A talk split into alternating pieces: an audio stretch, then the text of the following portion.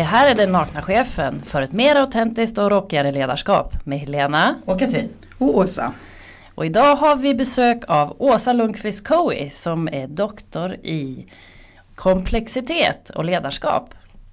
Välkommen Åsa! Tack så mycket. Åsa, är det farligt med konflikter på jobbet? Ja, faktum att det är det. Eh, konflikter kan gå överstyr ordentligt så att det kan vara farligt. Man kan säga att varje situation innehåller en potential för konflikter. Och en del kan, jag menar vi vet aldrig riktigt hur de ska spelas ut. Det kan bli väldigt bra men det kan också bli väldigt dåligt. Så vi behöver ha mycket mer av en konfliktberedskap på jobbet och förstå att konflikter är normen. När man är olika och ska försöka samarbeta så är det vanligt att det uppstår grus. Att det blir grusigheter när man ska samverka. Och om vi är mer beredda på det och förstår att det här är normen, det är det som är det normala snarare än att det ska vara ett harmoniskt och samarbetande klimat. Så eh, kan vi klara det mycket, mycket bättre. Kan du ge exempel på, på varför det är normen? Eh, just på grund av våra olikheter, vi har alla olika ideologi, vi har olika intentioner som vi formar utifrån dem och så finns vi alla i maktrelationer.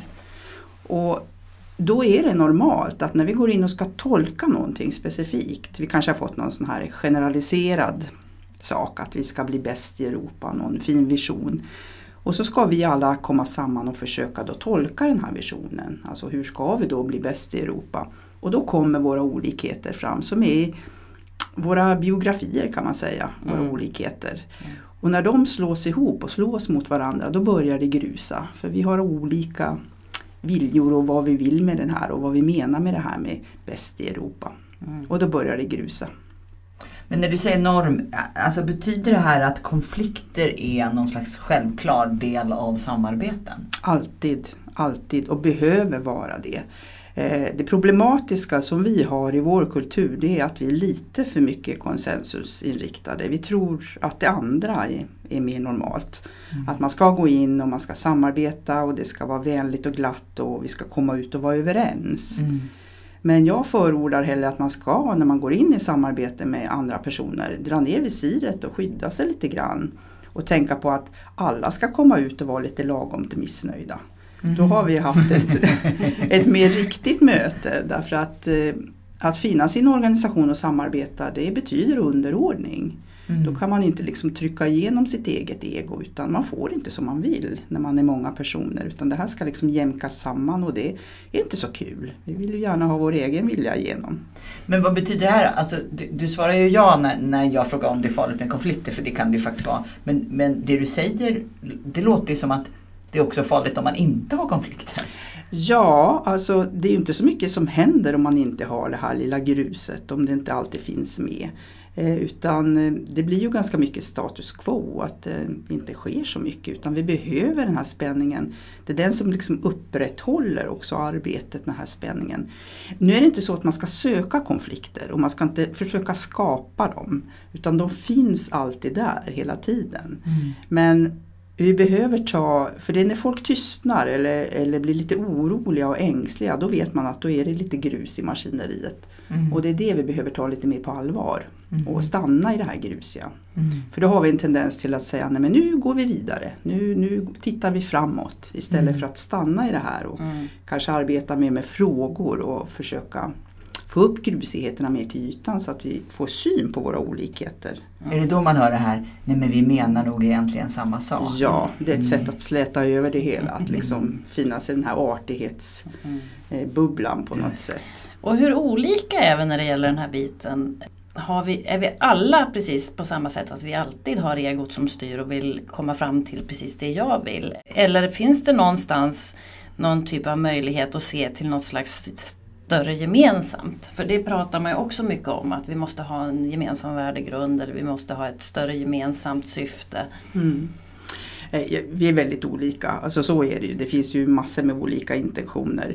Men det här med att ha någon större värdegrund vet jag inte riktigt. Eller att vi måste ha. Vi pratar mycket om vad vi måste ha och borde ha och så vidare. Och Jag jobbar mycket mer med vad vi faktiskt gör snarare än vad vi borde göra. Mm. För att det här med att man ska implementera värderingar till exempel i organisationer är ju en massa svammel. För att eh, vi har ju redan värderingar allihopa. ja. Det är ju Vi inte har så gjort att en vi- podd om det där Ja, vi ja. verkligen ifrågasatt om det Ja. överhuvudtaget är möjligt. Nej, om det, det finns inte en Ja. sportslig att göra det.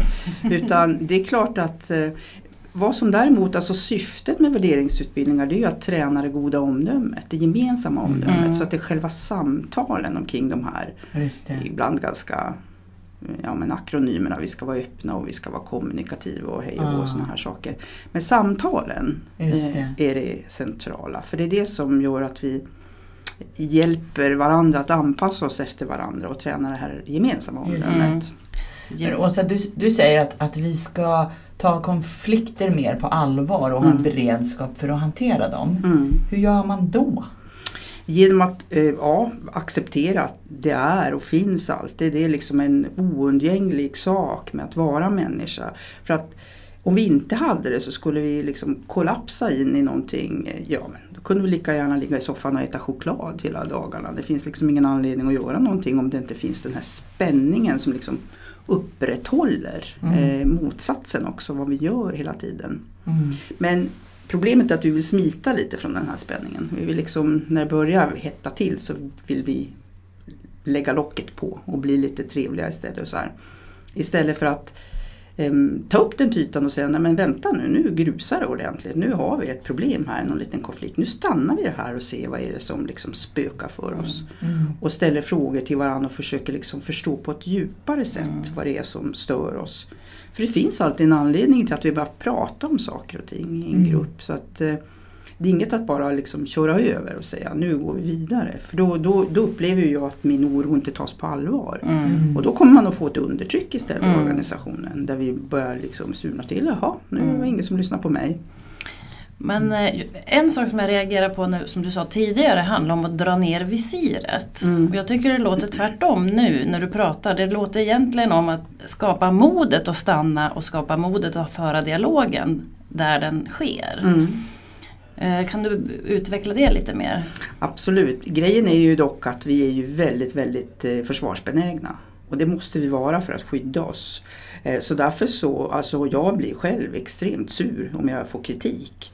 Så så fort någon säger liksom, vill du ha lite feedback så säger jag nej tack, jag vill verkligen ha ha feedback.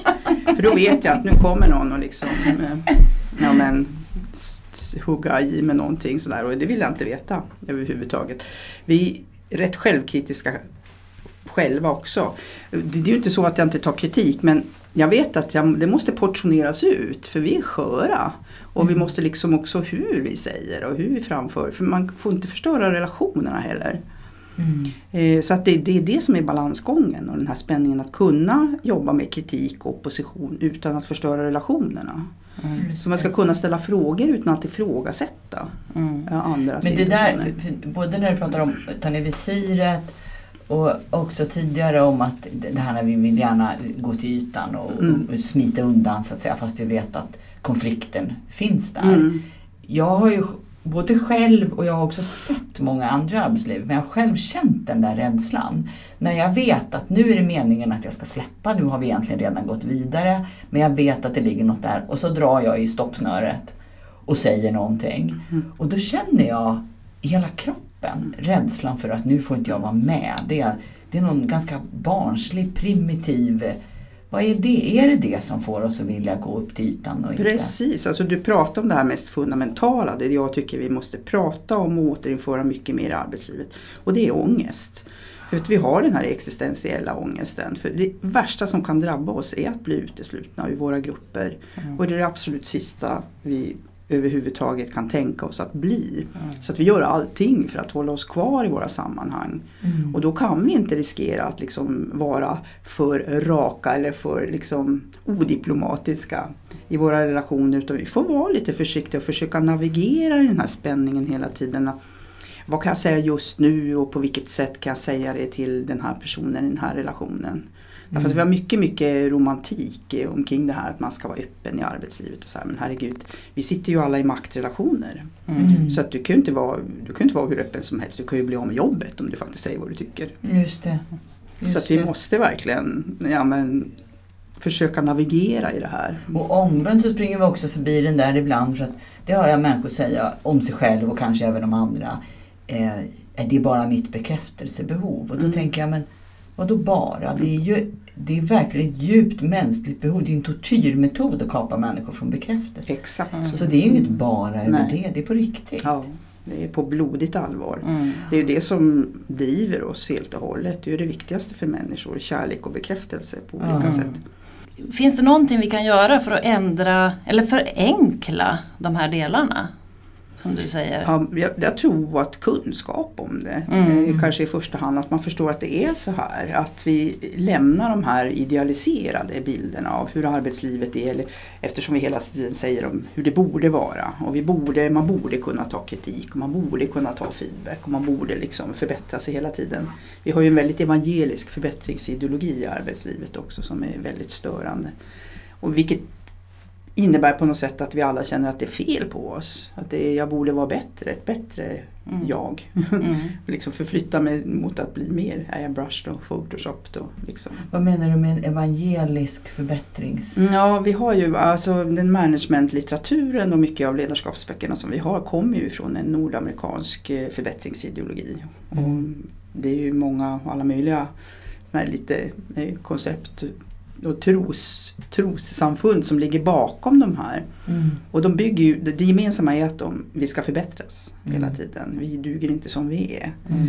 Och den här spänningen att gå omkring med den och tänka att man är fel hela tiden Mm. gör ju att folk internaliserar det och blir sjuka. Mm. Jag tror att det, det, jag duger inte som chef. Jag, jag måste liksom göra något annat. Jag kan inte få folk att gå från A till B. Mm. Så det du pratar om har en ganska direkt koppling till hälsa arbetslivet också? Ja, helt och hållet. Absolut. Jag är ju inte alls förvånad över att vi har de sjuktalen som vi har Mm. på det sättet. Och det har ju att göra med att vi hela tiden finns i en alldeles för hög spänning vad det gäller det här förbättrandet. Men vi har ju inga managementteorier knappt vad jag vet som eh, utgår ifrån att vi är människor på jobbet. Nej, vi pratar... Precis. Det är väldigt Alltså det- intressant. Ja. jo men på, om, Ja, om med det här nu på att vi är just Ja. människor. Jo, Exakt. och, och med tanke på det du säger nu så kanske det skulle vara ett A i utbildning av management Ja, istället. ja håller med Mm. om det. För att eh, jag har ju precis hållit på att avsluta en bok nu då omkring det här. Och det är ett av de första delarna jag skriver omkring det här. Att vi måste se oss själva som humans Mm. inte som human resources. Nej. Och det är en viss skillnad på det synsättet. Mm. Ah. Så att förstå eh, vad vi drivs av, vad folk drivs av. Mm. Hur, hur ångestladdade vi är. Mm. Att det är det här med existentiell ångest. Jag Mm. menar, och det är ju inför oförutsägbarheten och det är det som komplexitet är, oförutsägbarhetens vetenskap. Vi vet Mm. ju faktiskt inte vad som ska hända i eftermiddag. Nej. Och det är det här som gör att vi då överplanerar Mm. och tar fram alla strategier. Och det är för att hantera vår existentiella ångest. Vår podd heter ju Den nakna chefen. Mm. Det passar ju bra kan jag känna, hela den här dialogen. Men för dig, vad är en naken chef? Det, det är precis, tycker jag, vad du har beskrivit här nu, eller vad ni båda har beskrivit. Att det handlar nog mycket om att eh, faktiskt vara människa. Mm. att våga mm, och förstå att vi är ganska simpla Mm. och att vi är väldigt lika. Mm. Att vi inte är, och ta bort framförallt det här idealiserade ensamma chefskapsidealet. Mm. Alltså bort verkligen från den här mm, Chefen är naken tillsammans med alla sina medarbetare egentligen. Så att vi ser lite av en glidning i chefskapet. Att det går mer från en ensam hjälte Mm. till mer gruppledarskap. Mm. Eftersom vi alla måste bära den här spänningen, Mm. den här existentiella ångesten. Det är Mm. inte någonting som bara en person bär på jobbet. Nej. Så att det är ju inte så att chefen ska motivera sina medarbetare eller bära deras spänning utan det måste vi alla hjälpas åt med att göra. Mm. Mm. Det här är den nakna chefen för ett mer autentiskt och rockande ledarskap. Med Katrin Helena, Åsa.